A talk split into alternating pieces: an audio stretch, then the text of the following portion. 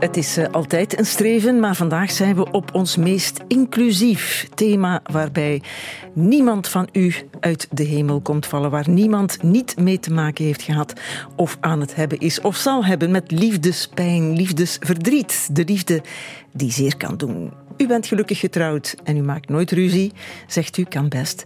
Maar dan doet het soms nog pijn, dat weten we uit ondervinding en dat zegt ook mijn gast. Die is psychiater en therapeut. Hij heeft net een boek geschreven, 400 pagina's over liefdespijn, waar we ons het komende uur in kunnen wentelen. Mark van Steenkisten, welkom. Dank u. Voorproevers. Met Annemie Peters. Ik heb het thema van jouw boek maar half uitgelegd, want het gaat ook over kunst. Mhm. Je mixt liefdesverdriet met kunst. Het is te zeggen, je illustreert dingen die je zegt over de liefde en over liefdesverdriet en de oplossingen die je suggereert voor dat worstelen in de liefde met voorbeelden en citaten uit films en uit muziek en uit literatuur. Is dat bij wijze van troost?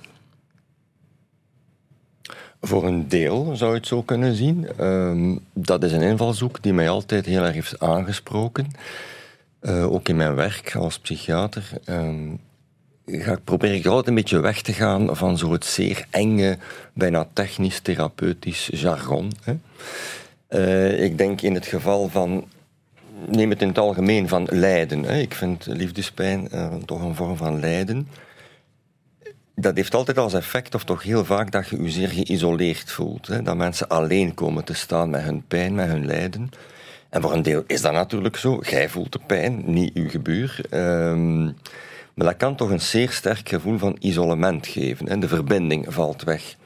En ik heb ook persoonlijk de ervaring, maar dat is ook een beetje mijn algemene invalshoek, dat een van de belangrijkste elementen om een pijnlijk proces door te maken, want het is toch iets onontkoombaar aan, dat dat ergens gebeurt in een sfeer van verbinding.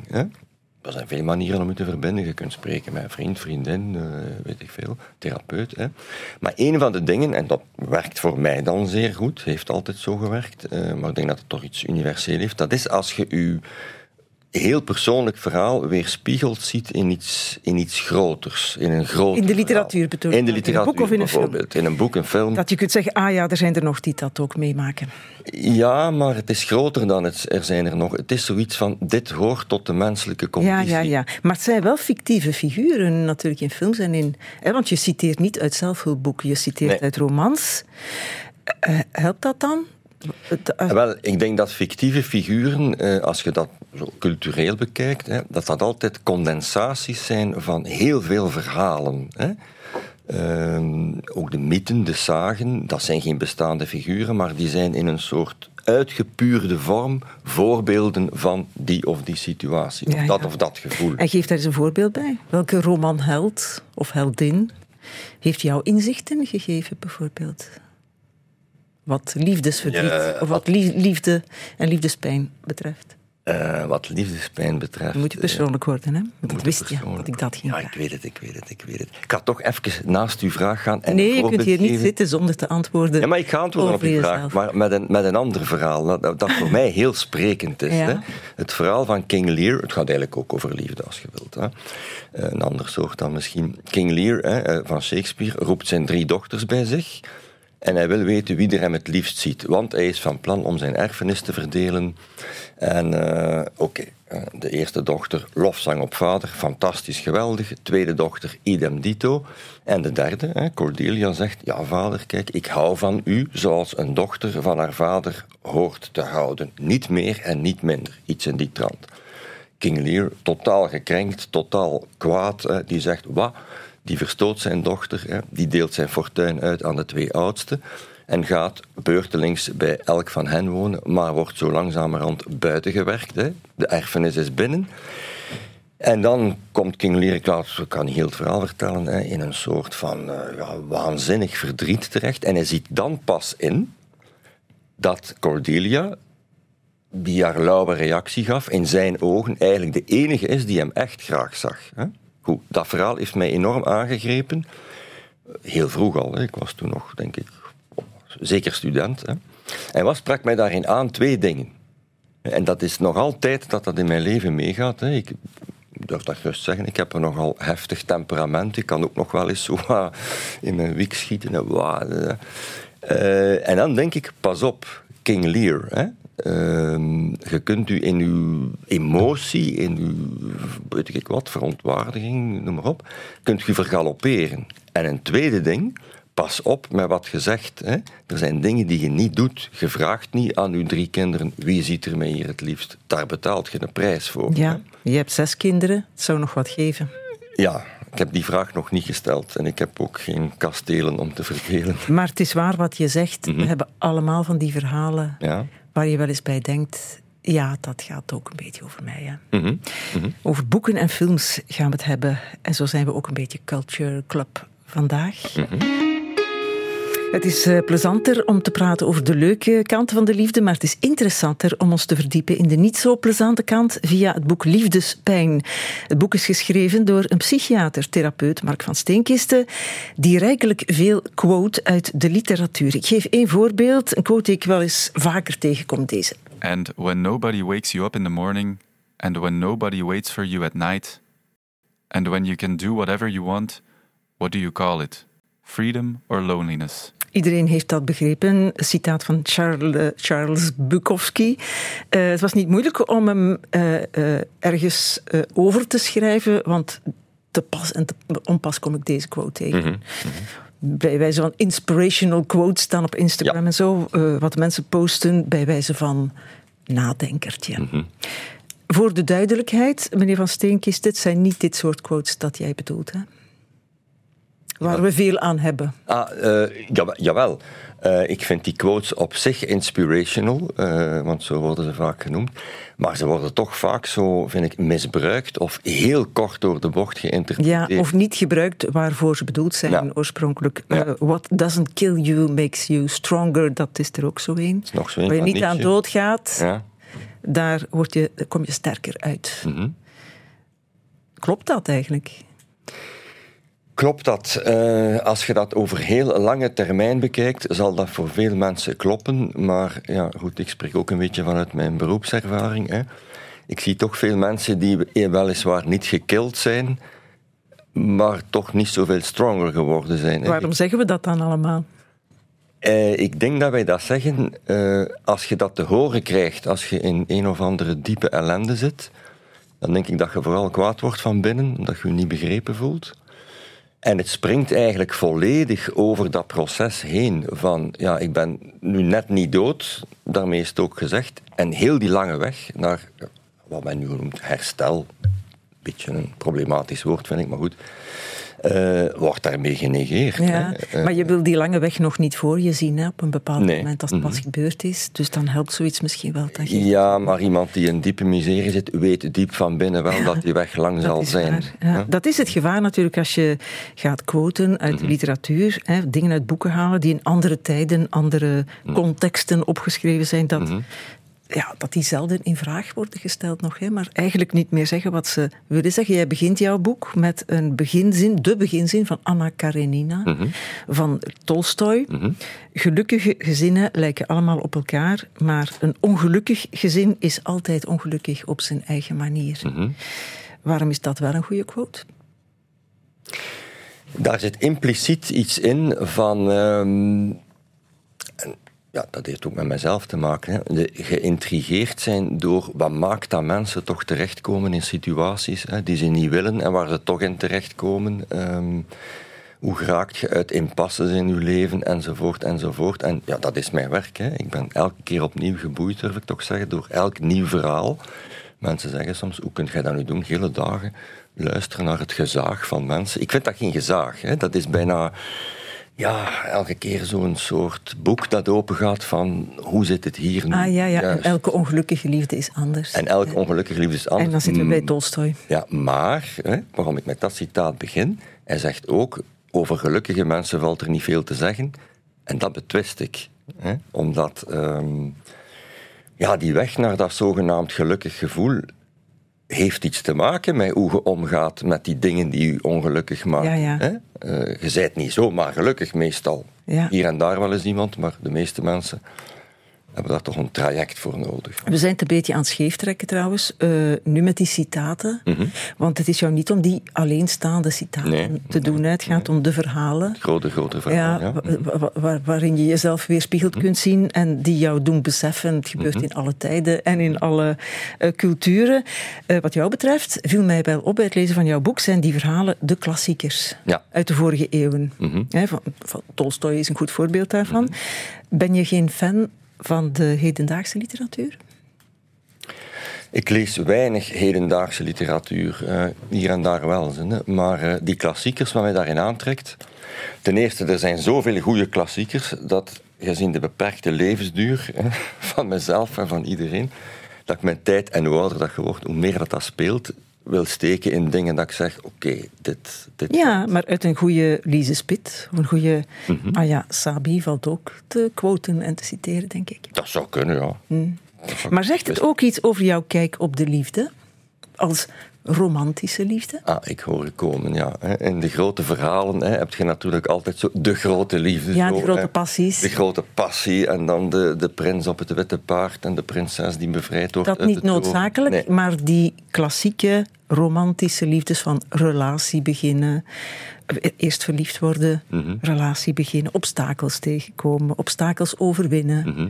Inderdaad. obstakels niet overwinnen, Mhm. Scheiden, ofwel lang en gelukkig leven. Mhm. Is dat wat jij gelooft dat de, de liefde is?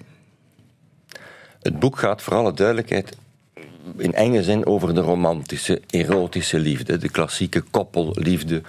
eh, man, vrouw, X, hè, weet ik veel. Hè. Dus daarover gaat het. Hè. Er is veel meer liefde. Hè. Dus ook ouder kind enzovoort. Maar om op uw vraag terug te komen, waarom die klassiekers mij zo aantrekken, dat is, ik, ik denk dat de geschiedenis ergens een selectieproces, eh, ook in de literatuur, genereert dat eh, enkel dat overblijft dat, dat ze op een heel pure manier een, een soort oerstructuur in een mens blootlegt. Ik denk toch dat je mocht zeggen van eh, de aantrekking naar een partner, het verlangen naar u te verbinden, hè, met, erotische manier, laten we zeggen. Ehm, ik denk dat dat toch diep in een mens zit. Ja. En natuurlijk, dan hebben we de couleur lokaal van culturen en tijden. En goed, ja, dat moet je dan meenemen. Maar die, die, kern, die kern daarvan, ik denk dat die toch relatief constant blijft. Ja, en daarbij spelen de vormen die allemaal mogelijk zijn dan minder een rol. Want je hebt open relaties bijvoorbeeld, of opeenvolgende relaties waar mensen ook in geloven. Hè? Niet Zeker. meer in de enige ware. Nee. Of latrelaties bijvoorbeeld. Die, komt in die klassieke, of die komen in die klassieke literatuur minder aan bod. denk ik. Of, of ik ken mijn klassiekers niet, zou ook kunnen. Wel, als je de Griekse, de Griekse mythen en zagen leest, als je Odysseus, Odysseus leest, hè, die is twintig jaar op weg naar huis voor een traject dat maar eigenlijk vijf dagen duurt, kent ondertussen eh, toch een aantal goden en godinnen, vooral godinnen dan, in de diverse grotten waar hij in terechtkomt. Zo monogaam Nee, nee, die het is mens waar. niet, maar hij was wel op weg naar zijn vrouw. Hè, dus, Ja, die zat te wachten. dus zo, ja, ook, zelfs, ook dat is redelijk universeel, denk ik. Er is veel meer vrijheid tegenwoordig qua relatievormen, Mhm. qua keuzes dan vroeger. Het kan vroeger beschreven zijn, maar tegenwoordig is er veel meer Ja. gepermitteerd. En toch lijkt het moeilijker dan ooit om een goed lief te vinden. Of toch iemand bij wie je wil blijven. Mhm. Of kunt blijven, moet ik misschien zeggen. Hoe valt dat te verklaren? Ik denk omdat er zo. En, en dat is iets cultureel, eh, in, specifiek in onze tijd, denk ik. Hè. Als je het zo een beetje in een groter tijdsgevricht ziet. Hè, als ik het nu laat beginnen in de jaren zestig, daar heeft men zo het klassieke burgerlijke autoritaire systeem ook op andere terreinen overboord gegooid. Ook in werksferen vind je dat terug. Hè. Meer overleg en, noem maar op. Ehm, men heeft dus die klassieke beperkende, verstikkende vormen, of die zo konden ontaarden, laten we zeggen, overboord gegooid. Er is veel nadruk komen te liggen op het individu, met zijn eigen project, vrijheid enzovoort. En ik denk dat dat kan doorschieten, en dan wil ik het zo subtiel mogelijk uitdrukken. Er is als het ware, of het lijkt mij toch zo te zijn, dus niet, niet bij iedereen, hè, maar zo'n trend van alsof er een soort conflict is tussen mijn persoonlijke vrijheid en alles waar ik mij mee verbind. Hè. Mijn, ja, een relatie, als ze goed zit, is het goed, maar als het ook maar ietsje niet meer is wat ik wil, beperkt dat mijn vrijheid. Hè, of mijn weet ik wat. Idem voor werk enzovoort. Ik, dat verklaart ook het, het, het, ja, hoppen, denk ik. Hè. Als ik vroeger op, in het ziekenhuis begon, bleven mensen daar jaren werken. Nu is dat na een jaar, men is weg. Hè. Dat zit in de cultuur momenteel. En ik denk dat dat een fase is. Hè? Dat dat een noodzakelijke fase is om los te komen van die verstikkende structuur. Maar dat is toch voor mij een doorgang naar iets anders. Het is aan het doorschieten op dit moment, denk jij, naar te veel vrijheid voor jezelf op ijs. Ja, ik vind Niet door- meer in staat zijn om je te verbinden. Mm, Ja, maar ik vind dat doorschieten te, te veel suggereert dat er, het te veel is. Het gaat over een ander soort kader, een ander soort model dat we moeten uitvinden. Ik heb dat ook niet kant en klaar klaar. Hè? Maar die tegenstelling tussen vrijheid en ik verbind mij, dus ik word beperkt. In het Engels zeggen ze een zero-sum game. Wat ik aan u geef, ben ik kwijt. Dat is volgens mij een doodlopende straat. Ja. En veel mensen zitten daarin vast, denk ik. Hè. Kijk naar Tinder. Hè. Je maakt je checklist, geswiped. Ah, dat past bij mij. Gelijk je een ijskast gaat kopen. Hè. Ehm, daar geloof ik niet in. Nee, nu doen we alsof de pijn, liefdespijn, Mhm. liefdesverdriet alleen in de problematische relaties Ja? Voorkomt, maar dat is helemaal niet waar. Nee. Ook in de klassieke romantische liefdes is het worstelen. Hè? Ja. Eh, het is niet omdat je die oervorm van het huwelijk zit dat je niet afziet. Ik haal een mooi verhaal uit jouw boek waar jij rijkelijk uit citeert, uit quote. Het was op tv in 1973.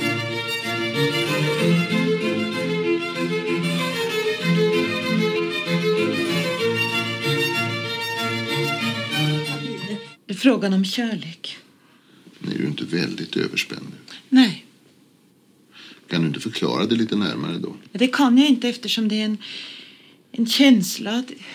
Interessant, hè? Ja, fantastische taal vind ik ook. Schitterend. Ja. is, versta jij dit? Nee, nee, nee, maar ik geniet van de musicaliteit ervan. Het is Zweeds. Ja, ja.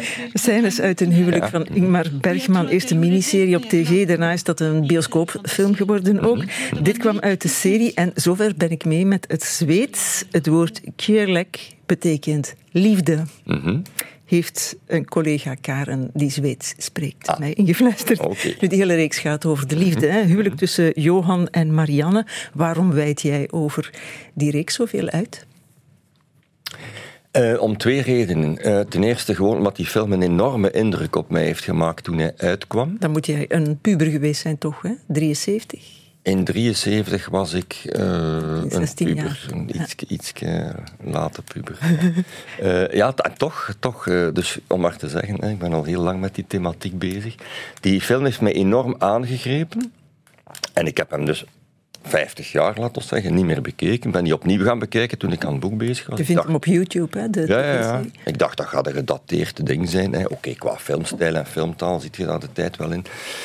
Maar wat mij vooral in die film fascineert, dat is dat die twee mensen eh uiteengaan op zo'n klassiek punt waar dat veel relaties uitkomen. Hè. Zo, ja, de impasse van ze zien het niet meer zitten, ze gaan uiteen enzovoort. En het echte groeiproces van die twee mensen, maar ook van hun relatie, gebeurt maar na die scheiding. Ik vind dat ze veel authentieker worden, ook naar elkaar toe, ehm, dan tijdens een huwelijk. Hè. Ik zou daar kunnen heel lang over uitweiden. Je ziet dat in, in dat Ingmar Bergman dat geniaal heeft gedaan. Hè. Je ziet hun, zelfs hun lichaamstaal, als ze spreken met elkaar, is veel intiemer jaren na de scheiding dan daarvoor. Alsof ze elkaar dan pas Alsof ze elkaar dan pas- leren kennen en ja. kunnen praten ook, want En dat is het grote praten, probleem. ja. Hè? Ja, ja. En wat moeten we daaruit leren? Wat moeten we daaruit leren? Ik denk dat veel relaties, opnieuw, elke veralgemening doet onrecht aan de realiteit, maar eh, vastlopen op een moment dat je bijna moet kiezen. Ofwel pak ik hier mijn eigen demonen aan, en dat is voor iedereen in wisselende mate natuurlijk, ofwel ga ik weg. En de meeste mensen gaan weg. En ehm, gaandeweg moet je toch in je leven onder ogen zien: hm, ik kan niet blijven weggaan. Ik moet hier toch ergens in mijn eigen huis orde op zaken zetten. En dat doen die twee mensen ook. Zij iets meer dan hij, vind ik, in de film. Maar zo langzamerhand, want ja, Johan is, is een beetje een overjaars klein kind, vind ik, dat zijn goesting wil doen altijd. En gaandeweg komt hij tot besef van: ja, er is toch nog iets anders. Hè. Ehm, ja, ik vind, dat, ik vind dat heel mooi. En Ja, en jij kan dat nu uitleggen in je boek, maar als je, denk je, als mensen dat op tv zien, of zagen vroeger, dat dat, dat ze dat beseffen door te kijken naar zoiets? Ik denk dat je onbewust altijd meer oppikt dan wat je denkt dat je ziet. Hè? En als je het in die tijd ziet, ik heb die tijd zelf meegemaakt, hè, toen was het bijna heroïs. Van het, ik vind dat toch, ik had zo het gevoel, dat is heroïs. Van, ah, je kiest voor jezelf en je verlaat alles. Hè, je gaat de onbekende wereld in, op weg naar enzovoort enzovoort. Dat heroïsche zo. Terwijl als ik dat nu zie, dan zie ik veel meer dat proces, dat tweede proces, zo naar binnen van die twee mensen. Van uh, het heroïsche zit er misschien in. Van u open te stellen voor wie ben ik eigenlijk en waarom doe ik dit allemaal. Tussen, tussen toen en nu mhm. zitten natuurlijk duizenden patiënten die in jouw praktijk zijn gepasseerd. Hè? Dat zijn ook allemaal levenslessen, mm natuurlijk. Mhm. Toch? Zeker, ja. Um, ik heb denk in mijn vorige boek uh, de patiënten bedankt. Uh, soms weet ik niet hoe wie heeft er wie nu het meest geholpen. Hè? Want dat is op, als het goed gaat, vind ik, dat is lekker een dans. Hè? Komt er een soort wisselwerking. Natuurlijk, in uw rol is dat wel heel asymmetrisch. Maar zo in het proces dat gebeurt, ja, leert je als therapeut ongelooflijk veel bij ook. En leren in de zin van voelen, ervaren, uh, dingen opnemen en dat op u laten inwerken van wat dat mensen naar u brengen of vertellen. Hè? Literatuur die niet van derde komt, maar van jouw hand, is Mark van Steenkisten wanneer de Charles Navour in jou naar boven komt. Wanneer jij een niet te onderschatten detail van de liefdespijn beschrijft als volgt. Een bijzonder aspect van liefdespijn is dat ze in schril contrast staat met wat je vroeger allemaal deelde met je partner. Waar je vroeger alles kon delen en bespreken, stort je nu in een toestand van pijn die je in alle andere omstandigheden zou meegedeeld hebben Mhm. aan degene die nu verloren is. Mhm. Dat is juist, hè? Mhm. Hopelijk blijft er dan genoeg ik over. Was je niet helemaal opgegaan in die ander? Want dan is de pijn nog erger. Zeker, ja. In de mate dat dat geval is, eh, kan dat iemand compleet onderuit halen. hè. Maar je schrijft daar ook over, hè, over dat eh, moeilijke evenwicht tussen eh, jezelf blijven in een relatie en opgaan in een relatie. Mhm. Die er ook voor zorgt hoe groot de pijn achteraf is als het gedaan is. Mhm. En wat is uw vraag juist daarin? Hoe moeilijk is het evenwicht? Of waar ligt het evenwicht? En wel, dat zitten we terug op die nuance hè, van wat ik daarnet noem het zero-sum game. Als je het ziet als ik tegenover de relatie en er is daar een soort van uitwisseling waarbij dat wat ik aan de relatie geef, verlies ik. Ik denk dat dat een, een, een metafoor, als je wilt, maar het is meer dan een metafoor, is die niet kan werken. Ik denk dat je de relatie moet kunnen voelen, niet zien, maar ook voelen, als iets wat u naar iets brengt, wat je als individu niet zou bereiken. Hè? Vandaar dat ik niet zonder reden op het einde de dans gebruik, hè, als een uh, metafoor. Ik weet niet of we daar later nog op terugkomen. Dat is dat andere cliché een beetje, hè? dat je het beste in elkaar naar boven haalt in een relatie. Of zou moeten halen.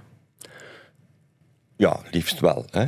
Uh, het slechte is alleszins geen goed idee. Hè. Als je voelt van het beste van wat ik hier in mij heb, of wat je denkt dat je nu hebt, krijgt hier geen plaats, uh, laat staan, wordt afgebroken of gedevalueerd, ja, dan denk ik dat je echt niet goed zit. Hè. Zeker als dat een permanent uh, structureel gegeven is in de relatie.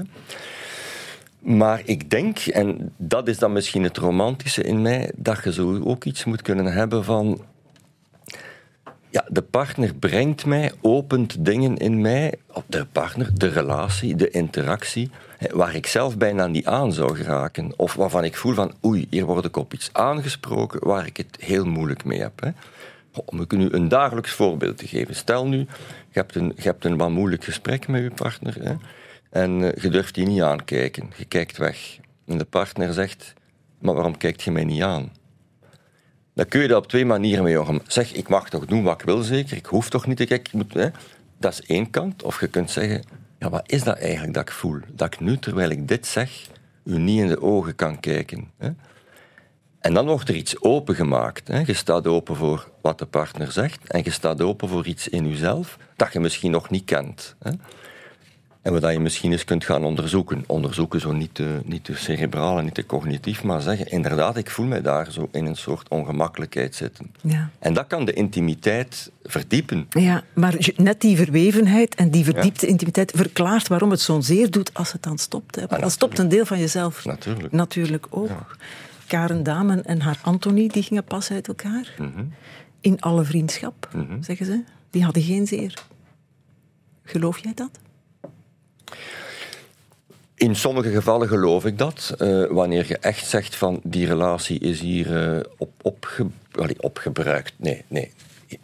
Kunnen we niet meer deleten, maar goed, eh, opgebruikt klinkt zo utilitaristisch of zo economisch. Maar is, is hier ergens dood? Het is, het is er niet meer. Hè? Dan denk ik dat dat kan. Hè? Maar is dat dan vriendschap? Dan is dat zo, ja, het is er niet meer.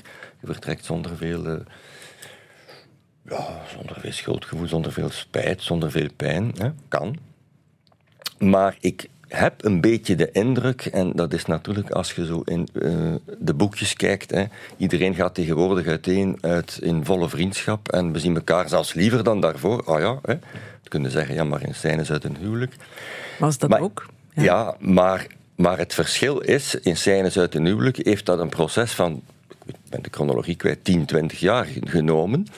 Terwijl zo dat cliché van we gaan hier uiteen zonder pijn en zonder rancune en we blijven goede vrienden. Je moet toch opletten, denk ik, dat je geen ja, negatie van je eigen pijn installeert. Of van je woede, of van je krenking, of van weet ik wat, van heftige gevoelens. Hè. Dat wordt dan zo'n soort soft gepolijst gedoe. Sorry voor de wat eh, kort door de bocht formulering. Die iets onwaarachtig krijgt of iets oneerlijk. Het is ook maar waar wat naar de buitenwereld toe wordt gezegd, natuurlijk, in de boekjes. Hè? Ja, maar waarom zou je naar de buitenwereld toe ook niet gewoon wat eerlijker kunnen zijn? En Ja. zeggen, ja jong, Dat is nu doe mij echt vraag. heel veel pijn. dat is een goede heel vraag. veel pijn, ja. Maar kijk, ja, ik respecteer zijn of haar beslissing, maar Het, eh, het verbreken van vriendschap, kan dat ook zoveel pijn doen? Ik vraag dat omdat je een stukje uit een brief van de eh, psychiater Jung Mhm. aan de psychiater Freud publiceert. Jung en Freud waren collega's, maar ook goede vrienden. Ja. En de brief ehm, is het, begin van het verbreken van Mhm. de vriendschap door Jung, hè, van de jarenlange vriendschap, met deze woorden. Het is onder ons analytici een uitgemaakte zaak dat niemand zich voor zijn stukje neurose hoeft te schamen. Wie echter bij abnormaal gedrag voortdurend schreeuwt dat hij wel degelijk normaal is, laat de verdenking op zich dat hij alle inzicht in zijn ziekte mist. Ik stel u daarom voor onze persoonlijke betrekkingen definitief te beëindigen. Ik verlies daarbij niets, want in emotioneel opzicht voel ik me sinds geruime tijd nog slechts met u verbonden door de dunne draad van de nawerking van eerder beleefde teleurstellingen. En kunt u er alleen maar bij winnen, aangezien, zoals u onlangs in München opmerkte, een intieme relatie met een man remmend werkt op uw wetenschappelijke vrijheid. Dat klinkt als meer dan vriendschap. Wel, het, de brief klinkt een beetje formeel, maar het is een, een keiharde brief. Hè. Zeker en vast. Eh, het is echt een heel eh, brutaal verbreken van een relatie. Maar het gaat ook over hoeveel zelf en hoeveel wij er in die vriendschap zat. Hè? Zo hoor ik het toch. Eh, ja, als je het historisch bekijkt, Freud zag Jong een beetje als zijn troonsop, als een zoon bijna. Hè. Dus dat, is niet niks. Hè. Eh, en heeft hem dan omwille van een aantal theoretische discussies, dat is de officiële reden, ehm buiten gegooid, om het zo te zeggen. En dat heeft voor Jong een, een enorme, een enorme wonde gegeven. Hè. Dat is eh, heel pijnlijk geweest. Zodanig dat er zelfs auteurs zeggen, die zeggen, hadden die zo'n soort van homoerotische, niet in, daarom niet eh, beleefd, maar zo hè, in het gevoel zo eh, zit Ja, dat toch... ofwel kan het verbreken van vriendschap ook zo Dat denk ik wel, ja, absoluut. En kan dezelfde pijn ook opduiken als een relatie tussen een ouder en een kind wordt verbroken? Of is er dan iets ongezonds aan de gang? dat dat pijn doet. Mhm. Eh, zo zie ik toch regelmatig mensen. Eh, het, is nu toevallig, ik heb eh, op deze week, mijn boek is een week uit. En er zijn al een aantal mensen die ik zie die dat hebben gelezen en die zeggen: ja, ja. Ik, ik herken het ongelooflijk, maar bij mij gaat dat bijvoorbeeld over mijn werk of over inderdaad een vriendschap. Het is ook een relatie. Ja, op ja. een of andere Jij beschrijft in jouw boek een, heel pijnlijke eh, ervaring met een van je zonen. Mhm. Ik bedoel, waarbij je hem dreigt te verliezen. Het gaat over die verlieservaring die Mhm. zo pijn is. En wat er dan met je gebeurt, kun je dat eens vertellen? Mijn zoon heeft een heel zwaar verkeersongeluk. Een van mijn zonen heeft een zeer zwaar verkeersongeluk gehad toen hij 16 was. Uh, die werd toen binnengebracht in het ziekenhuis waar ik werkte. Ik was juist vertrokken van het ziekenhuis. Ik kreeg een telefoon. Uh, ja, uw zoon is binnengebracht. En ik wist direct dat dat iets heel serieus was. Uh, ik ga naar keer terug, spoedopname, scan. Allee, je ziet die daar ja, toch wel in een zeer erge toestand liggen. overlevingskans quasi nul toen. Ik moest dan kiezen, hem daar houden in het perifeer ziekenhuis waar ik werk, of naar het universitair ziekenhuis van Antwerpen. Hij zou dat transport nooit overleven. Ik moest dan kiezen. Keuze, moet je zo beslissen. Hè. Ik heb dan gezegd, nee, dat gaat niet. Houd hem hier. En ik zei aan de collega's, doe je best. Ik, ik trek mij, je trekt u terug. Dat zijn de feiten. Maar, uh, en dat is eigenlijk een niet dat feit op zich, maar die toestand waarin je dan terechtkomt. Hè. Eh, ik heb dat beschreven als zo het tussengebied. Hè. Dat is zo'n woord dat ik daarin gebruik.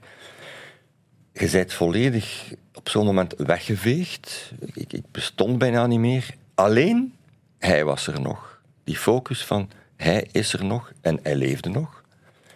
Um, en dat is ook iets dat ik mij heel sterk herinner, hoe dat de tijd passeerde. De tijd werd eindeloos. Elke seconde die passeerde, voelde ik zo als een eindeloos geluk bijna. Van ijs er nog, ijs er nog. Ik heb nog een seconde met hem gehad. Um, en gevoeld, ja, dreigende verlies is ook in de kamer. Hè. Um, maar die focus, die, die zuiverheid bijna die daar zit van... Het gaat over hem en ik wil hem alles geven wat dan nodig is, desnoods mijzelf. Ja, dat is toch uh, iets dat mij heel erg veranderd heeft. In de zin van dat ik denk dat een soort absolute aandacht voor de ander, dat dat een wezenlijk onderdeel van de liefde is. Het, het volledig puur aanwezig kunnen zijn. Ik stel mij open voor u, voor wie jij zijt. Bij wijze van spreken, ik luister, maar ja. was het niet ik luister. Nu ben je bijna spiritueel bezig, hè? Uh, ik kan u verzekeren dat je daar uh, in, in registers komt, toch in uw subjectieve ervaring, die, die je niet in het dagelijks leven zomaar meemaakt. Nee, maar ik combineer spiritualiteit niet met wetenschap. Nu, liefde is geen wetenschap natuurlijk. Nee, hè? Nee, nee, nee, denk ik niet, nee. Wat die liefde betreft en dat onverklaarbare spirituele, je had mm. iets uit Woeste Hoogten ja. van Emily Bronte. Ja. Uh, situeer eens heel korte personages. Uh, het, het, stuk dat in het boek staat bedoeld. Mm -hmm. Wel, de vrouw is, uh, waar het over gaat, is, heeft een, is getrouwd met iemand hè, uh, die, laat ons zeggen, naar de klassieke maatschappelijke norm de goed bij haar past.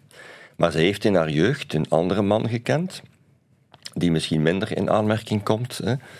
Uh, door de lotgevallen van het verhaal trouwt ze daar niet mee. En ze zegt op een bepaald moment tegen de vertelster van het boek: Goed, hè, mijn man nu, oké, okay, dat is allemaal goed. En ja, oké, niks over te zeggen.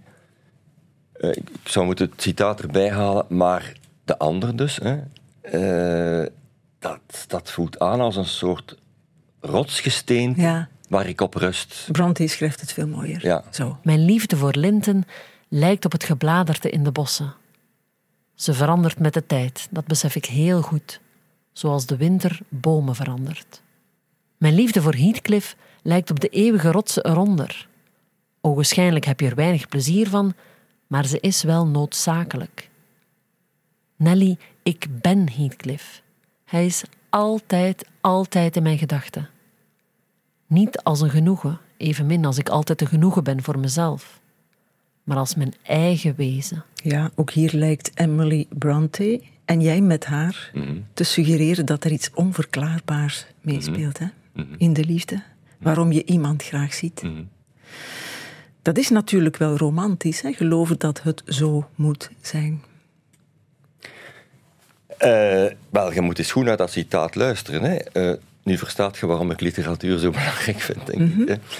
Uh, wat ze daar eigenlijk zegt, moest ze dat tegen haar man uitspreken, moet die man al een heel diep begrip hebben van waarover dat liefde gaat, om daar te kunnen mee leven. Hè. Van, wij zijn gelukkig samen op een bepaald niveau, en toch is er iets van uw grond die niet bij mij ligt, maar elders. Is dat dan bij Heathcliff als persoon of als ervaring? En toch denk ik dat je dat moet kunnen. hè. Zo in een heel groot veld en dan uw specifieke liefde daarin ervaren. Dus als ze dit zou zeggen tegen Linton, dan hoop ik dat die man dat begrijpt. Ik heb pas de film Past Lives gezien. Ja. Een Zuid-Koreaanse film die eigenlijk over exact hetzelfde gaat. Een vrouw die een zeer diepe vriendschap heeft in haar jeugd met een vriendje. Dan verhuist van Korea naar Amerika. De vriend verdwijnt uit haar leven. Ze trouwt met iemand anders in Amerika. En dan duikt die oude vriend uit Korea van vroeger op. En dan valt de term in-yun, een soort voorbestemdheid. Je kende die al van in een vorige hoedanigheid, in een vorig leven. Nu, dat wordt nu heel zweverig, maar de film verscheen eind 2023, werd in nagenoeg alle recensies ogenblikkelijk bejubeld, uitgeroepen tot de film van 2023. Is dat ook hoe we met de liefde moeten omgaan, denk jij? En met liefdespijn je niet verzetten tegen, niet proberen te verklaren, maar accepteren wat onvermijdelijk is? Ik zou zeggen dat is de eerste voorwaarde. Hè. Eh, in de, ik ben ook veel bezig met mindfulness en meditatie. Een van de eerste voorwaarden om te kunnen groeien is dat je kunt niet alleen zien, maar doorvoelen waar sta ik nu. Hè. Wat je veel ziet gebeuren, bij, eh, om in de context te blijven van liefdesbreuken, dat is dat mensen eh, tijdelijk ja, die pijn niet willen voelen. Hè. Ik zal straks het woord tijdelijk uitleggen. In, vluchten in allerlei, soms verslavingsgedrag. Hè.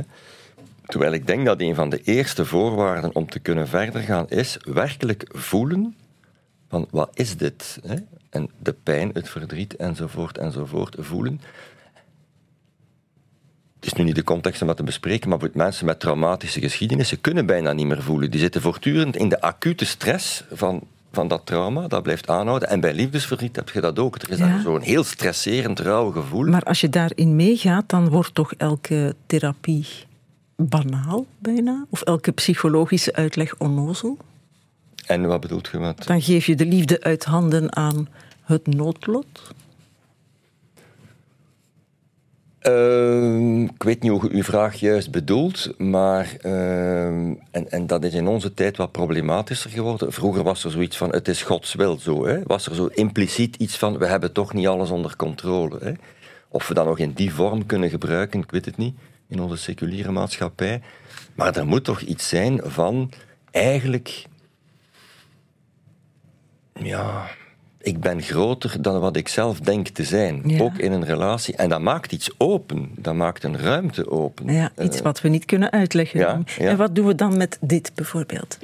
Op vier verschillende plaatsen in Vlaanderen gaan vier koppels op dezelfde dag blind trouwen. Op het moment dat je in je kostuum zit, dan pas besefte van het is nu voor, voor echt. Al deze singles delen dezelfde droom. Via de wetenschap gematcht worden aan hun ideale partner. Dacht ik gewoon van blanco. Omringd door vrienden en familie vieren ze samen de start van dat waanzinnig en onvergetelijk avontuur. Man en vrouw, voor de rest van ons leven. Kijk je daarnaar? Blind getrouwd. Op Nee, ik weet dat bestaat. Eh, Dan brengen ze mensen bij elkaar die trouwen zonder elkaar ooit gezien te hebben. Het is volgens leuk de om naar te Volgens de kijken. wetenschap. Via de wetenschap gematcht. Ja, ik weet niet of we nog tijd hebben tot vijf uur. eh, maar dat is Helaas. een- eh, helaas, ja. Ik zal dan heel kort proberen antwoorden, omdat het is een heel complexe vraag. Hè. Het blijkt in maatschappijen waar dat er gearrangeerde huwelijken zijn, dat die niet per se slechter zijn dan de vrijgekozen huwelijken. Dus dat zet al heel die... eh, Omdat, da- daarover hebben die heel die romantische notie een beetje op de helft. Ja, nu gooien we dat allemaal weg. Ja, nu gaan we dat allemaal weg. Ehm, waarschijnlijk, maar dan moet je al die mindset hebben. Hè, en als het een beetje goed gaat, hè, kunt je openstellen voor de ander langzamerhand. Natuurlijk, dat is geen elastiek die je eindeloos kunt uitrekken. Hè. Ik denk niet dat je mij om het, als je nu zegt, trouw nu met de eerste vrouw hier als je buiten komt uit de VRT. En maak er iets van, dat is niet... zo werkt het ook niet. Maar al die checklisten en die matchtoestanden, daar geloof ik eerlijk gezegd ook niet in. Ik heb er voor het boek uiteraard eh, zelf heel veel van die zaken bekeken. En ik heb bijvoorbeeld nooit zien staan, ruikt jij uw vrouw graag? Dat staat daar niet in. Terwijl ik denk dat dat zoiets is. Dat kan nu banaal klinken, maar dat, dat zijn zaken die meespelen. Ja. Hoort haar stem graag. Ja. Enzovoort. Ehm, Het is ingewikkeld, hè? het is ingewikkeld, Ja. ja. En er is een deel niet te verklaren. Nee. Het is niet allemaal wetenschappelijk uit te leggen. Ik wil wel een happy end vandaag graag. ja. Dat er nog altijd best wel gelukkige, veel gelukkige liefdes zijn. En om er met een cliché te eindigen, aan elke pijn, hoezeer die ook doet, komt een eind. Ik ga er Rilke bij halen. ja. Als het ons mogelijk was om verder te kijken dan ons weten reikt en nog een klein stukje over de vestingwallen van onze voorgevoelens heen, misschien zouden wij dan ons verdriet met een groter vertrouwen dragen dan onze vreugde. Want het zijn de ogenblikken waarop iets nieuws in ons is binnengegaan, iets onbekends. Onze gevoelens verstommen in beschroomde bevangenheid. Alles in ons deinst achteruit. Er ontstaat een stilte. En het nieuwe, dat niemand kent, staat er zwijgend middenin. Dat kan niemand mooier zeggen dan Rilke in brieven aan een jonge dichter. Mark van Steenkisten, dank je wel voor dit boeiende uur. Wie veel meer erover wil weten, vindt ook veel meer in de bijna 400 pagina's van jouw boek. Dat heet Liefdespijn. Het is uitgegeven bij Borgerhof en Lamberichs. Mooie dag verder en dank je wel. Dank je wel, Annemie. Voorproevers.